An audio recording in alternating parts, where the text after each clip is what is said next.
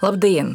Esmu Latvijas televīzijas raidījuma kultūrdeva vadītāja Henrieta Verhostīnska, un šī ir raidieraksta kultūrdeva jau 26. sērija, uz kuru esmu uzaicinājusi Lindu Curiku, kuras personības viena no izpausmēm ir valdzinošā un sīvišķīgā, šo vārdu visbanālākajā un arī viskomiskākajā nozīmē džēma sudraba. Bet uh, ikdienā tu nodarbojies sveika Linda. Sveika! Sveika! Ar ļoti nopietnu lietu, ar strateģisko komunikāciju. Un uh, tev piedēvē šādas izpausmes - publiciste, blogere, pētniece, dzimuma līdztiesības eksperte, aktīva feminismu ideju paudēja un LGBT tiesību aizstāve. Jā. Nu, tas apmēram jā, ir, ir tās dažas tā, tās ļoti galīgi tādas sīkās un nesvarīgās jomiņas, jā, kurās es darbojos. uh, bet, uh, nu, jā, es, es strādāju ar komunikāciju, ar projektu vadību.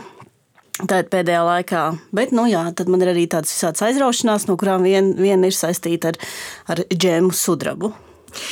Nu, pat demisionējot iepriekšējai iekšlietu iekšliet ministrē Marijai Golubevai, tu pārstāji būt par viņas padomnieci strateģiskās komunikācijas jomā. Ko tu šobrīd dari? Nu, es strādāju tādā britu uzņēmumā Zink Network, kas atbalsta vairākas nevalstiskās organizācijas un mēdīs Baltijā ar viņu kapacitātes stiprināšanu, un tad es palīdzu viņiem šos projektus vadīt. Savukārt, uzņemoties iepriekšējo darbu, vai tu biji specializējusies iekšlietu jautājumos, un ko tu tur īsti darīji ar Mariju Golubevu? Nu, es nebiju, neb, nebiju specializējusies iekšlietu jautājumos. Es gan nācu nu, tā vai tā no drošības sfēras. Es septiņus gadus eh, strādāju pie NATO Stratkom eh, centra izveides eh, Latvijā, un no paša sākuma, kad viņš tika izveidots Latvijā, es viņā darbojos. Līdz ar to nu, teiksim, tāda militarizēta joma vai uh, drošības jautājumi jau, protams, ir bijis lieta, par ko es diezgan daudz strādājis strādājusi. Un, nu, lielākais izaicinājums jau bija tas hibrīda uzbrukums uz mūsu robežām. Un, un kādā veidā mēs varam koordinēt to mūsu atbildi gan Latvijā, gan koordinēties ar kolēģiem Lietuvā, Polijā un Igaunijā. Kā pareizi izstāstīt Eiropas Savienībai par to, ka tā nav parasta migrācijas krīze, bet tas ir tiešām hibrīda uzbrukums. Nu, un arī viss, kas bija saistīts ar Ukraiņas bēgļu uzņemšanu, ja tāda komunikācija par šiem jautājumiem arī bija iekritis manā uh, grozā. Tā kā, nu, tāds it kā iekšlietu, iekšlietu joma vienkārši ir ļoti, ļoti plaša. Jā, tur ir gan robeža aizsardzība, gan policija, gan drošības dienesti. Līdz ar to tur ir diezgan, diezgan liela, liela atbildība un daudz izaicinājumu. Es varbūt atklāšu skatītājiem, ka Linda bija aizmirsusi, ka šodien ir podkāsts un atskrēja ar velosipēdu diezgan jau kaut kādu laiku pēc podkāstu ieraksta sākšanās. Pilnīgi vajadzēja padzerties. Un, um, Tu atzinies, ka tu esi diezgan tuvu šobrīd izdegšanas robežai. Kā tu to izjūti? Nu, es izjūtu to tā, ka es to izjūtu Es domāju, ka es esmu tuvu. Es domāju, ka es esmu pilnībā izdegusi. Godīgi sakot, nu, pirmkārt, mainās tas skatu punkts, kāds tev ir dzīvē. Es tieši domāju, ka man nevajadzētu braukt uz podkāstu šeit. Tādēļ, ka man ir diezgan negatīvs. Nu, man, man ir ļoti jāsņemās, lai es tā kā pozitīvi skatītos uz lietām, uz to, ko es varu, eh, uz savu vērtību, vai man kaut kas sanāk. Eh, ļoti grūti ir ar radošo enerģiju. Ja man agrāk vienmēr bija tā, ka es esmu ļoti radošs, man ļoti viegli ir izdomāt jaunas lietas, ko varētu darīt kaut kādas nu, tādas, jā, teiksim, tādi radoši darbi. Tad, te, piemēram, man ir nu, tiešām tāds bloks, ka es nevaru un negribu arī. Tā, un tad es sev, man ir sev jāpiespiež. Un es arī visu laiku esmu nogurusi. Un, um, tā. Vai tas, ka sen nav bijis džēmas sudrabas aktivitāšu un, un arī podkāstu mušas, arī ir saistīts ar šo? Nē, nu podkāstu mušas, paldies Dievam, viņš neturās tikai uz manis, viņš turās uz mēs viņu taisam piecitā, līdz ar to vairāk cilvēki. Nu, tad, tur tad, tas, tas vilciens, viņš brauc uz priekšu, un tad es vienkārši nu, pievienojos, ja tas viss neturās uz manis. Līdz ar to ir daudz, daudz vieglāk to uzturēt. Bet no džēmas uh, sudrabas aktivitātēm, jā, nu, ir tā, ka es vienkārši ne, es to nevaru izdarīt. Vairs. Šobrīd nevar uzvilkt augstspēju kurpes, izstiept garos nadziņus, plikšķināt ar atstiņu. un aicināt uz kursiņiem. Un aicināt uz kursiņiem. Bet nu, es, es turpinu, nu, stand-up jau notiek, es turpinu viņos piedalīties. Uh, nu, tik traki nav. Varu piespiest sev. Šobrīd šī nedēļa ir praida nedēļa. Un, um, tu, tu vari par sevi teikt, kā savulaik teica Kārlis Streips, ka viņš ir vienīgais gejs Latvijā, kuram ir jāizstāsta par visām par visām uh, problēmām, kas ir saistīts ar uh, šīs orientācijas cilvēkiem, un tev jau ir gandrīz līdzīgi. Nav noslēpums, ka tu dzīvo ar draugu, jūs kopā audzināt tavus bērnus. Kā tu uztver praida nedēļu? Vai tas ir kaut kāds nozīmīgs notikums Latvijā, vai tas ir vairāk tomēr uh, margināls? Labs jautājums. Nu, es domāju, ka šogad jau Praids ir ārpus tādas marginalitātes. Un, uh, un Praids kaut kādā ziņā um, ir vienmēr uz šīs tādas, nu, iet pa tādu sarkano līniju. No vienas puses uh, LGBT uh, plus kopiena saka, mēs esam parasti cilvēki, mēs vienkārši strādājam parasti darbus, staigājam pa ielām. Mūsu dienas kārtībā ir, kur nopirkt mājas un kāpēc elektrība paliks tik dārga. Bet no otras puses, protams, kad uh, mūsu kopienā arī ir ļoti daudz cilvēku, kas ir uh, kreizī, koši, brīnišķīgi, neaptverami, uh, mirdzoši. jā, līdz ar to. Uh, un, un, un tad man liekas, ka tajā praida nedēļā arī parādās tās dažādas lietas, gan kas ir saistīts ar tādu, tādu teiksim, seksuālo brīvību, ja, vai, vai tādām āršķirīgākām sevis izpausmēm, gan arī runājot par mentālo veselību. Par, par, par to, par kultūru un, un galu galā vienkārši teiksim, nu, atgādinot par to, ka mēs gaidām vēl joprojām šo tiesisko regulējumu. Mūsu ģimenes viņu gaida. Nu, tā, tā kā, tur ir ļoti. Uh, dažādas tās izpausmes, un galā Praidā jau iet ļoti daudz uh, uzņēmumi. Uh, tas man vienmēr priecē. Tā, nu, tajā brīdī, kad bija tas pirmais Baltijas jā, tas atbalstītājs saraksts, jā. ļoti cienījams šim, šim, šīs nedēļas jā, notikumiem. Jā, un man liekas, ka tas ir forši, kad uzņēmumi no tā nebaidās. Tas nozīmē, ka arī tie LGBT plus kopienas pārstāvji, kas strādā tur, viņi var justies droši. Ja? Viņi zina, ka viņi ir vērtība un, un viņi tiek novērtēti kā cilvēki, kā darbinieki. Uh, un viņiem nav jāslēpj savu identitāti, teiksim, no ko viņi brīvdienas pavadīja kopā, tēlojot, ka, tas, nu, ka viņi dzīvo vieni. Ja?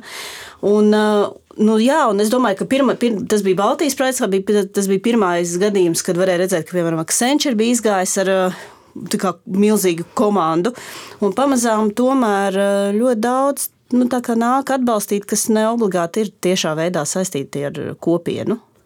Tu jau minēji, ka nav tā tiesiskā regulējuma, un pavisam nesen saima tādā diezgan gļēvā veidā, es teiktu, ar kvorumu noraušanu, un atkal kārtējo reizi ir izvairījusies no civilās savienības likuma mm, apspriešanas pat un uh, jēdzīga balsojuma.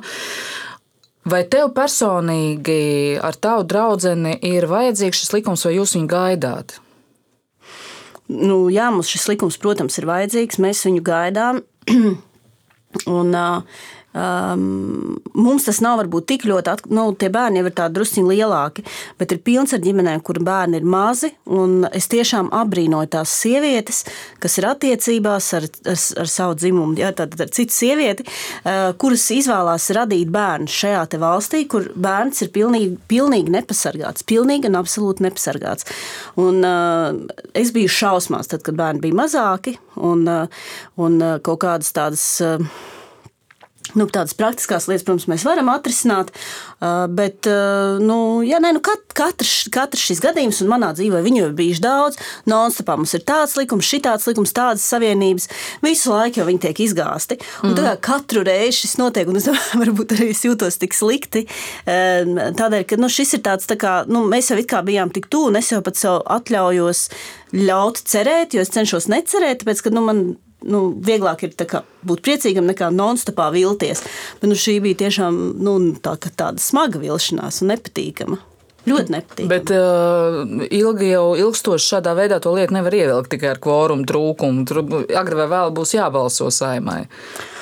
Nu, jā, es domāju, mēs vai nu dodamies Polijas un Ungārijas virzienā, vai arī nu, kādā citā virzienā, kur ir cits Eiropas valsts. Tā, es domāju, ka nu, tas civilās savienības likums kaut kādā ziņā arī parāda to, to virzienu.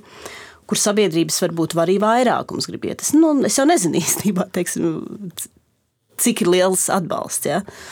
Tu respektīvi domā deputātu vidū. Jā, jā, jā. jā, jā.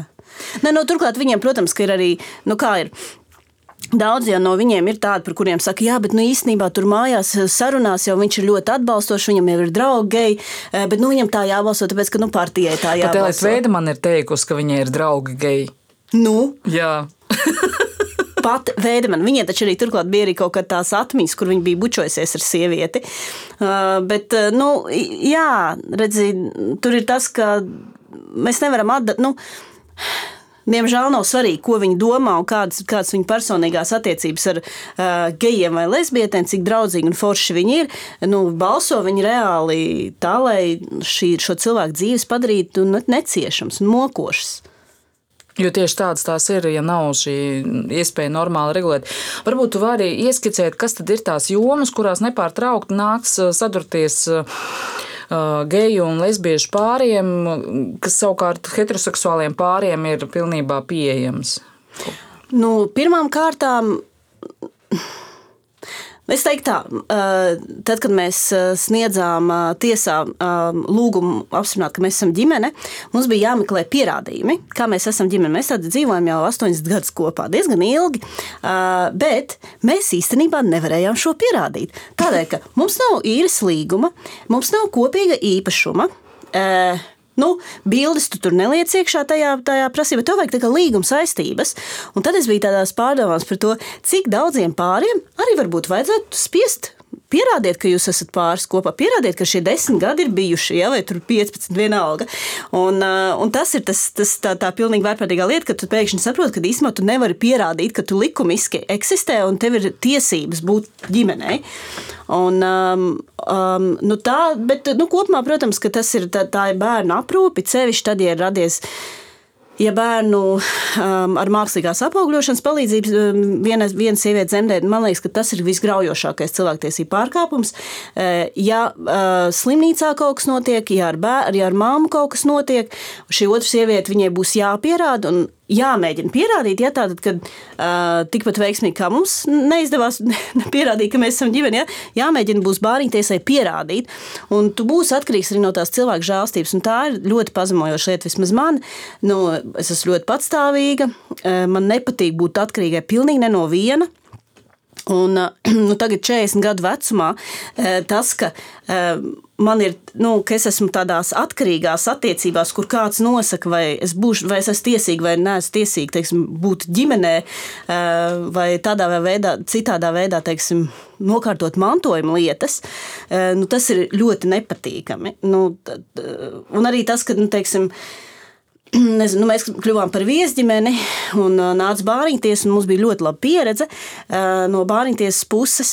Bet nu, arī tas ir tāds jautājums, ka tu īstenībā nezini, uh, vai nu, tur būs tā, kāds šis cilvēks būs, kas atnāks un izvērtēs tavu ģimeni. Un tu visu laiku esi druskuļi tādās pie ģimenes ārsta skolā, teiksim, skolā, ka tev tur kaut kādiem skolotājiem jāiznāk ārā no skapja, stāstot viņiem, ka jā, nu šeit ir otra māma un īstenībā viņi tur dažreiz nāks pakaļ vai bērnu dārzā. Nu, tās lietas, īstenībā, ko tu negribi stāstīt stāstīt. Un tāpēc arī varbūt viņiem bieži liekas, un tā kā atnāca un lika skatīties savā guļamistabā. Ja? Jā, jā. Nu, bet ko mums citu darīt, ja teiksim, man tur parasti darbs ir ilgāk, ja? un, un uh, man dzīvesbiedri teiksim, ir fleksiblāki, viņi var biežāk izņemt tos bērnus vai atrisināt kaut kādas praktiskas lietas ar ārstiem. Ja?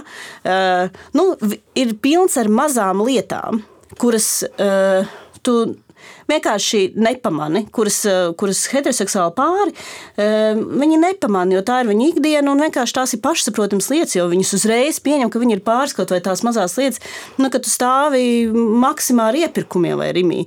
Eh, tā kā, ka tiek pieņemts, ka jūs maksāsiet atsevišķi vai restorānā, ka maksās atsevišķi, jo mēs esam divas draudzenes, kas ir atnākušas. Vai ka mums vajadzēs viesnīcā gultu, nevis vienguļamo, bet tā, tās, ko var sabīdīt atsevišķi.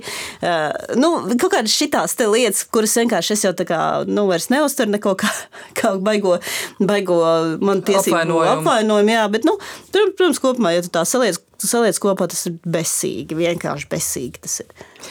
Atgriežoties pie Praida, viens no uh, Praida pasākumiem ir arī sieviešu stand-ups, kurā tu arī esi bijusi līdzdalīga jau daudzus gadus. Varbūt pastāsti par sieviešu stand-up, ar ko tas atšķiras, piemēram, no Rudolfa Kugrēna vai no Jāņa Skuteļa stand-upa. Nu, mēs izveidojām stand-up kopā ar Ingu Gaili. Tā bija Ingas ideja, ka vajadzētu, ka sievietes varētu būt smieklīgas. Un tur bija tas viens 8. mārts, kur man likās, ka tā ir pilnīgi tā ir slikta ideja, tā, tas ne, nekādā gadījumā tas ne, nesenāks. Jo nu, es arī darbojos tajā, man liekas, nu, kāds ir jēgpilns pasākums sievietēm, nu, pa, uh, moderēta diskusija. Un tad mēs skatīsimies filmu par Zviedriju, nu, kaut kas tāds. Un, un viņi tā kā, nē, vai uztaisīsim stand-up. Un, uh, nu, jā, un, uh, Un tā mēs kaut kā sākām, un ļoti veiksmīgi mums sākās tas stand-ups. Mēs ļoti gribam, lai tā ir vieta, kurā ir iekļaujoša un kura kurā tu jūties droši stāstīt arī par lietām. Nu, es pateikšu, īstenībā tā galvenā atšķirība ir tā, ka mums nav tik svarīgi, lai tās lietas ir smieklīgas. Viņas drīkst nebūt smieklīgas, bet tev ir ļoti svarīgi izstāstīt to lietu. Mm. Un Bet, bet jebkuru traumatisko, un jo īpaši traumatisko savas dzīves pieredzi, tu vari izstāstīt ļoti komiskā veidā. Un, nu tā, bet nu, tas nevienmēr sanāk, un tas drīkst nesanākt, tāpēc ka mums ir tā misijas apziņa, ka mums ir jārunā par šiem jautājumiem, par to, kā, kā ir būt sievietei 21. gadsimtā, kā ir audzināt bērns, kā, kā ir sadzīvot ar seksualitāti, nezinu, grūtniecībām, neizdevušās grūtniecībām, nu, nu visu, visu to, ko nozīmē būt sievietei. Un, un un mēģināt to izstāstīt tādā veidā, kas ir pašironisks vai ironisks par to, kāda ir sabiedrība. Vai tu, Linda, spēji iztēloties, ka tu draudzējies, es nezinu, ar uģi kuģi? Vairs ne. Kaut kad agrāk es smēju, varbūt tad, kad es biju jaunāka, tad es nu, um, biežāk teiksim, darīju lietas, kas man nerada prieku. Bet tagad es, es vairs ne, es netusējos ar cilvēkiem, kas man nepatīk, kuriem es nepiekrītu. Man jāatzīst, arī es esmu diezgan agresīva savos uzskatos, tādā ziņā, ka nu, es neklusēju. Ja, nu, ja tur ir kāds, kas runā kaut kādas lietas, kas man šķiet absolūti nepieņemams, nu, es to arī saku. Ja, un, Tas nav tāds cilvēks, ko uķis, uķis gribētu pie sevis mājās. Tādu cilvēku, kurš uzskata, ka ģimenei jābūt tradicionālai, vīrietim un sievietei, un sievietei ir viņas funkcijas, un, un, un viņai jāaudzina bērni un jārūpējas par pavārdu. Bet visādi citādi labs cilvēks, ar tādu būtu grūti saprast. Nu, mēs drīzāk sastrīdētos. Es domāju, mēs drīzāk sastrīdētos, un viņš izdarītu apzinātu izvēli nekad vai nu man neaicināt ciemos pie sevis, vai arī nenākt pie manis ciemos. Nu, tas ir tā kā tā vienkārši būtu. Un ļoti labi mums abiem. Mazāk negatīvās enerģijas, mazāk dusmu. Eh, vajag apkārt būt. Man tāpēc arī, nu, man dažreiz tur kaut kādās, man liekas, bija māmiņa klubā eh, pagājušajā nedēļā vai aizpagājušajā nedēļā. Un man jautāja, vai, nu, vai es izjūtu homofobiju ikdienā, un es vispār neizjūtu homofobiju ikdienā, tāpēc, ka mēs dzīvojam tādā burbulī, draudzīgā, pozitīvā burbulī. Tur ir mūsu draugi, kas mūs atbalsta un mūs mīl, un mēs viņus atbalstam un mīlam. Un, uh, mēs par visām lietām varam runāt ar viņiem. Un, nu, nav, nav jābūt tajā negāciju virpulī. Kā šajā visā, jo sieviešu stand-upā tu esi savā personā, Linda Zurigs personā? Nē, es esmu Džēma Sudraba. Bet es esmu redzējis tevi arī vienkārši kā Linda Zurigs stand-upā. Nu, varbūt kaut kad sen atpakaļ, bet tā principā es, es esmu diezgan nodalījis tās savas identitātes, jo, nu, nu stand-upam vajag to tādu nu jā, tur es, es spēlējos ar to masku ko es, uz, ko es uzvelku. Es saku, Kā vispār radās Džēmas sudraba? Ai, nu viņa radās tāpēc, ka es biju Londonā un nopirku parūku. Un tādu šausmīgu, seksīgu parūku, un es viņu uzvilku. Tad es jautāju draudzenei, hei, kā jums liekas, kā šo sievieti sauc? Un uh, tad viņas tā kā kopīgi nonāca pie idejas, ka tā ir Džēmas sudraba. Man liekas, reāli foršs tēls. Un es kaut kā tā foršiņā es zināju, kāda viņi, kāda viņi ir. Un uh, tā tad. Uh, Vai tā bija kāds reāls prototyps? Nu, zini, bišķīt varbūt šī šitā, es nezinu, varbūt. Grūti pateikt, nu, viņi ir tā bišķī tāds visu influenceru savienojums kopā, bet tādu to enerģisko kas ir visu laiku tā, nu, tādā augstā enerģijas kas tirgo pārtiks bagātinātājs. Jā, kas tos NL, ko tur. Jā, jā, jā. jā, jā, jā. Vai to tev vajadzēs pīpināt, pēc tam būs tiesas prāvs. Vai džemai, sudrabai, vai tev ir kaut kas džemā, sudrabā, ko tu apskaudu, ko tu varbūt gribētu, lai tev tas piemīt pašai vairāk? Nu, viņai liekas, ka viņa ir seksīga. viņa tā kā neuzdod jautājumus, hm, vai es iztos resnu šajās biksēs. Man vienalga. tā, man ir tā kā vesela garderobe. Gardrobas daļa, kas ir džēmas, sudrabs drēbes, ko es nekad savā mūžā nevilktu. Kaut kādas tās bikses ar uh, dzīvnieku printiem, tādas diezgan apspīda, apspiestas, jā, spīguļu žakete, uh, nu kaut kādas tādas make-ups, kas ir ar spīguļiem, tā krūta, viņa forši tā džēmā, viss forši arī izskatās. Kā tev bērni uztver džēmu sudrabu, vai viņi tā kā ir nodalījuši to no mammas, vai, vai brīnās, kāpēc mamma pēkšņi ne, viņi ir pieraduši, nu, viņi ir pieraduši, viņi arī ir tādi, kas ir vienmēr bijuši līdz visādos trijos kultūras pasākumos. Un, nezinu, dažu savas bērnības skaņepē pavadījuši. Un, līdz ar to viņi vienkārši ir pieraduši. Ah, nu jā, tā ir kaut kāds dzējas pasākums, ah, nu tā ir kaut kāds lasījums, nu tagad kaut kāds stand-ups. Nu, tā, līdz ar to viņi to, tā ir tāda viņa ikdiena bija ilgstoši bijis, bet nu, tagad viņas, protams, ir tādā tīņu periodā, līdz ar to nu, tādas tizlie izlie vecāku pasākumu vairs nav tādi interesanti. Un, eh, bet, eh, bet viņas ar savām draudzenēm man seko Instagram. Un tad viņi man saka, jā, šis video bija ļoti labs. Tā, nu, te tev vajadzēja citādāk izdarīt. Nu, tā, tad viņas tur kā, nu, jau kā eksperta lomā man tur vērtē. Forši. Uh, kas. Tavuprāt, eh, ir mainījies mūsu dzīvēs un sadzīvēs, un uh, varbūt arī attiecībās ar bērniem? Nu, nemainījies, bet kā mēs eh, pārunājam ar bērniem to, ka ir sācies karš Ukrainā. Vai tas, jo es zinu, ka daudziem tas 24. februāris, neskatot mani, tas bija kaut kāds šoka moments, jo pirmais, kas ienāca prātā, bija, ka tūlīt tas viss sāksies arī pie mums, un ka tūlīt viss ir karš pārņems visu bijušo PSRS telpu. Un, ka, Un, un tas pirmais bija egocentriskā, tā, tā, tā baile, mežonīgā, ka tūlīt, tūlīt sāks krist bumbas un, un kas notiks. Un pēc tam, protams, nākot ziņām no Ukrainas, bija nu, arī šoks, ka cilvēki pie tam man ir ļoti daudz draugu Krievu, un es arī regulāri braucu uz Krievijas teātriem. Un, un bija tāds šoks par to, ka, ka šī tauta, šī nācija ir nostājusies šādas vardarbības pusē. Un tad vēl bija jautājums, kā par to runāt ar bērnu, jo viņa arī bija nobijusies. Kā tas bija tev? Um, nu, man ir ceļš, man vecākā meita. Viņa ir ar Viņu ļoti interesē ka Krievijas politika, kas tur notiek. Viņa ir šausmīgs Navaļnī fans un, un ļoti ienīst Putinu aktīvi. Um, līdz ar to viņa nu, kad viņi lai, mēs tur nu, vienmēr rīt panorā no rīta skatāmies, jau, tad uh, viņi jau nonāca tajā, viņi jau visu zināja, un viņi bija iečkos un, un jau bija informēta. Nu, tā mēs kaut kā to tā izrunājām. Es nevaru teikt, ka. Ne, nu, man Es domāju, ka galvenais bija tas, ka vajag runāt. Un tas, ka, tas, ka mē, es nu, neslēpju arī tā skaitā savas bāžas, bet kopumā es centos visu laiku, pat nestoties to, ka pašā sākumā pašai nebija tāds. Uh, Nu, kā, tev ir jānotic tam, ka ar mums viss būs kārtībā. Mm. Un pat ja nebūs kārtībā, ja teiksim, Latvijai uzbruks, ja kaut kas notiks, mēs esam NATO dalībās. Un pat tad, ja teiksim, ir milzīgs karš Eiropā, mums ir plāns, mēs zinām, ko mēs darīsim. Mēs darīsim tur, nezinu, tā un tā, un tad, nu, tad, tad tādā ziņā, ka mēs tur tā runājām. Eh, bet eh, nu, jā, tagad arī man liekas, tie bērni pieraduši pie tā, ka ir tas karš. Mēs visi esam pieauguši. Nu, jā. jā, tas ir, šau, tas ir pat tiešām šaušalīgi, kā mēs, cik ātri tas notika. Bet eh, nu, es tomēr to savu.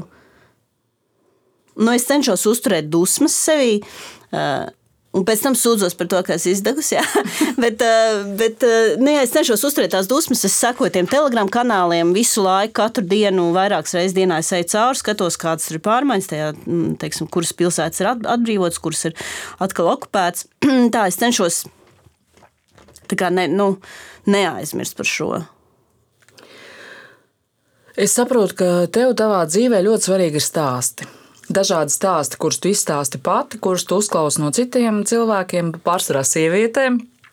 Jo podkāstā mušas lielākoties ir sieviešu stāsti, nu, vismaz cik man ir gadījies dzirdēt. Un, uh, kam tavuprāt ir jābūt, lai būtu labs stāsts? Es domāju, nevis stāsts uh, literatūras teorijas uh -huh, nozīmē, uh -huh. bet tieši lūk, šādu jebkura cilvēka paustu kaut kādu savu dzīves atgadījumu, savas dzīves pieredzes stāstu. Nu, tur ir vajadzīga empātiskā saikne. Tev ir jāsaprot, un um, angļuiski saka, high stakes, jeb šo latviešu būtu. Um, augsta riska stāstam tam ir jābūt. Tev ir stāstīšanas gaitā, tev jāizveido empātiska saikne ar šo cilvēku, un jāsaprot, ka tas notikums, par, ar kuru viņš dalās, viņam ir bijis tāds augsta riska notikums, kur viņš vai nu kaut ko iegūst, vai kaut ko zaudē. Un, uh, un man liekas, ka tas ir labs stāsts, kur tu kur tu. Um, nu, vispār ar tiem stāstiem ir tā, ka man liekas, ka tā, tā, tā foršākā lieta par viņiem, un tieši kontekstā ar mušu, tādēļ, ka nu, mums likās, ka. Tāda es mēģināšu vēlreiz šo pateikt. Tātad podkāsts muša. Podkāsts muša, jā, tā tad ir par to, ka stāstiem ir jābūt nevis tā kā režisētiem, nevis tādiem, kur režisors ir pieņēmis lēmumu, ka te es parādīšu šo šādā veidā, un te mēs izgriezīsim to un parādīsim to, un te īstenībā vajadzētu labāk šitā. Bet tas ir paša cilvēka vadīts process, nu, kur mēs viņam, mēs viņu cenšamies atbalstīt, ja tas ir nepieciešams. Un man ļoti patīk tas, ka mušā drīkst būt didaktiskā daļa. Parasti tā ir tāda bezgaumība, no kā es, piemēram, ja man jāraksta raksts, es at, vienmēr atbrīvojos uzreiz pirmajā brīdī. Bet tad šeit stāstā īstenībā, kur ir augsta empātiskā saikne un, un cilvēki runā par nu, tādām ļoti nopietnām lietām, ko viņi ir pārdzīvojuši, tur drīkst būt pamācība, didaktika, pārdoms kaut kādas par dzīvi. Un, un tas interesantais ir tas, ka ļoti daudzi, kas uzraksta to stāstu, tas ir arī tāds nu, veids, kā tu vari pats no tās situācijas, tu viņu tā kā izprocesē, tu viņu ieliec narratīvā, un tu viņam tiec pāri. Un tā ir, tā ir tiešām forša lieta, ka tā, tā ir tāda dāvana, ko tu sev pats uzdāvini, bet nu, arī tiem klausītājiem to dāvanu uzdāvini. Jā, tāds terapeitisks process. Kas no mūsu stāstiem priekš tevis ir bijis tāds, ko tu nevar aizmirst jau mēnešiem, jau gadiem ejot, kas ir tāds aizķēries, tāds kaut kāds īpaši jaudīgs stāsts? Nu, ļoti daudz viņi ir tādi. Nu, tas, kā mēs sākumā taisījām mušu, mums likās, ka mums būs tā, ka būs pasākums, un tad būs uh, attiecīgajā tēmā būs stāsts. Bet tad mēs saprotam, ka mēs tur tā nevaram īsti savākt tos cilvēkus pa tēmām. Un tagad ir tā, ka cilvēki atnāks pasākumā, viņi nekad nezina, par ko būs stāsti. Un, uh, un tad viņi ir diezgan dažādi arī tajā emociju gāmā. Un, um, jo podkāsts varbūt ir jāpaskaidro tiem, kas nav dzirdējuši, ka viņš notiek publiski klātbūtnē. Viņš notiek publiski klātbūtnē, jā, mēs ierakstām publiski smieklus un reakciju un to vispārējo. Jā, un tad mēs no dažādiem pasākumiem tos, tos stāstus saliekam kopā kaut kādā vienā tēmā. Uh, nu, man liekas, nu, protams, tas Mārtiņa Dauguļs stāsts bija, bija ļoti Viņš teica, ka viņš vispār par kaut ko citu runās. Un viņš atnāca un izstāstīja par šo savu depresiju un par to, kā viņš devās uh, veikt pašnāvību. Jā, es dzirdēju. Viņš bija gan komisks, gan šokējošs. Gan tā, tur bija nu, viņš arī ļoti īsts. Uh, un, uh, un tas ir tāds, uh, tad ir viena meitene, kas ierakstīja studijā. Tā ir vēl, vēl, vēl viena lieta, tad, ja cilvēki runā par vardarbību, ceļš seksuālu vardarbību, tad viņi nevienmēr vēlas uh, nu, publikas priekšā par to stāstīt. Tad mums ir viena meitene, kas izstāstīja par to, kā viņa pusauģa vecumā bija vardarbīgās attiecībās, uh, un neviens to nepamanīja. Un pat drusciņi priecājās. Un, uh, Nu, tā tie ir tādi. Priecājās par ko? Nu, ka, nu, ka viss, ka viss kārtībā, jā, ka attiecībās un parūpējas par zēnu. Nu, un tā, un, um, nu, tie ir tādi divi, kas. Uh, kas man tagad tā uzreiz. Nu, Ēriks stāsta, kur viņš stāsta par to, kā viņš uh, nejauši gāja uz angļu kursiem un uh, nonāca sektā. Nu, tā, nu, jā, tā, kā, nu, šie, šie tā, tādi stāsti ir tādi, kas man ir, man ir atmiņā. Tu vispār esi cilvēks ar ļoti labu humoru izjūtu, vai tas tevi glābi kaut kādās situācijās, vai dažkārt varbūt pat apgrūtina, jo nevienmēr cilvēks saprot citu humoru. Nu, jā, jā, tur ir mēdz būt dažādas situācijas. Bet um, es, principā, tas ir vienīgais, uz kā es turos, uh, uz tās uh, humora izjūtas. Jo, bet, man liekas, ka. Nu, Man tomēr šķiet, godīgi sakot, ka sievietes ir asprātīgākas un ar labāku humoru izjūtu nekā vīrieši. Man tas šķiet tādēļ, ka tomēr tā, tas seksisms uh, ir diezgan liels mūsu sabiedrībā. Viņš nav graujošs, ar viņu var sadzīvot, bet labāk ar viņu sadzīvot ir ar labu humoru izjūtu. tā, tā kā tas bišķi vieglāk padara tās lietas. Tā, man liekas, ka, ka jā, tā ir tāda lieta, ko vajag ja attīstīt. Kas ir, tās, kas ir tās jomas, kur tas seksisms visvairāk izpaužas tavuprāt? Nu, es domāju, ka saistībā ar bērniem un rūpēm par mājas soli, cik taisnīgi ir sadalīti tie pienākumi. Tomēr nu, arī, piemēram, tā skaitā ja strādā gan sieviete, gan vīrietis, sieviete rūpēties par bērniem, esot stāvoklī, barot ar krūti, biežāk izkrīt no kaut kāda tā karjeras ritēja, viņai ir grūtāk tikt atpakaļ, tad viņa vēlreiz vēl paliek stāvoklī, laiks iet. Um, vīrietim pa to laiku ar karjeru viss ir kārtībā, viņa, viņš jau iegūst kaut kāds, es nezinu, paaugstinājums, un, un viņam karjer, ar karjeru viss ir kārtībā. Un tajā brīdī, kad bērni ir bišķi paaugšies un tā sieviete var sākt darīt kaut kādas lietas, um, nu tad vienmēr viņa karjera būs vērtīgāka, tāpēc ka viņš saņem vairāk un viņš vienkārši ir augstākā amatā. Un viņai tikt atpakaļ un uz augšu ļoti grūti. Es domāju, tur ir milzīga frustrācija sievietēm. Tāpēc ir tas, tas lērums ar tiem sieviešu kursiem. Viņas jūt, ka kaut kas nav kārtībā.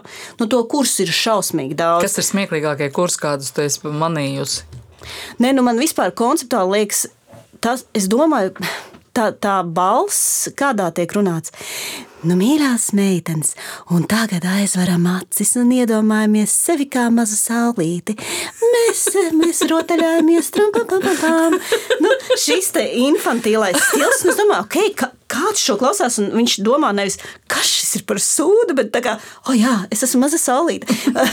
un viņi ir tik daudz, arī tā skaitā, kas, nu, sola, teiksim, viss šis te, šis te, nu, ka tu vari manifestēt to naudu, un ja tev pēc šiem kursiem pa 60 eiro nemanifestējās tā nauda, tad, nu, neticēja pietiekoši. Nu, viss šīs lietas, bet es domāju, ka tas, ka viņi ir, ir skaidrs, ka sievietēm ir kaut kāds laiciņš, ko viņas var izkasīt sev. Vai nu kamēr bērns bērnu dārzā, vai kamēr Vakaros kaut kādos, kad viss jau tur zeķis ir salikts veres mašīnā, viņas var izkasīt vai 6 vai 5 no rīta. Ja? Um, izkasas jau drusku laiku. Nu, un ko tu vari dabūt? Ja, ja tev ir, teiksim, nezinu, stunda vai pusstunda dienā, vai reizes trīs dienās. Nu, nekādu jau tur neko PhD uzrakstīs, vai maģistrā grādu iegūst, nezinu, vai, vai kursus ar certifikātu. Nu, tad vienīgais, kas atliek, ir šī tāda žurnālēšana, un, un lielākā daļa no tiem viss ir šarlatāni. Daļa nē. Ir cilvēki, kas tiešām nu, teiksim, palīdz strādāt kaut vai ar nu, e, kā tu runā, ar valodu, ar e, stāju, ar to, kā tu sev pasniedz. Tās ir foršas lietas, ko, ko apgūt, bet nu, liela daļa ir vienkārši. Nu, šausmas, šausmas. nu, jā, nu kaut kāds kosmos, un tad tu nesaproti tajā klausies un domā, ok, vai nu viņi ir apgaroti un nesas tā kā tā zemes, zemes, zemes būtne pašā, pašā attīstības sākumā, vai arī šis ir muļķības.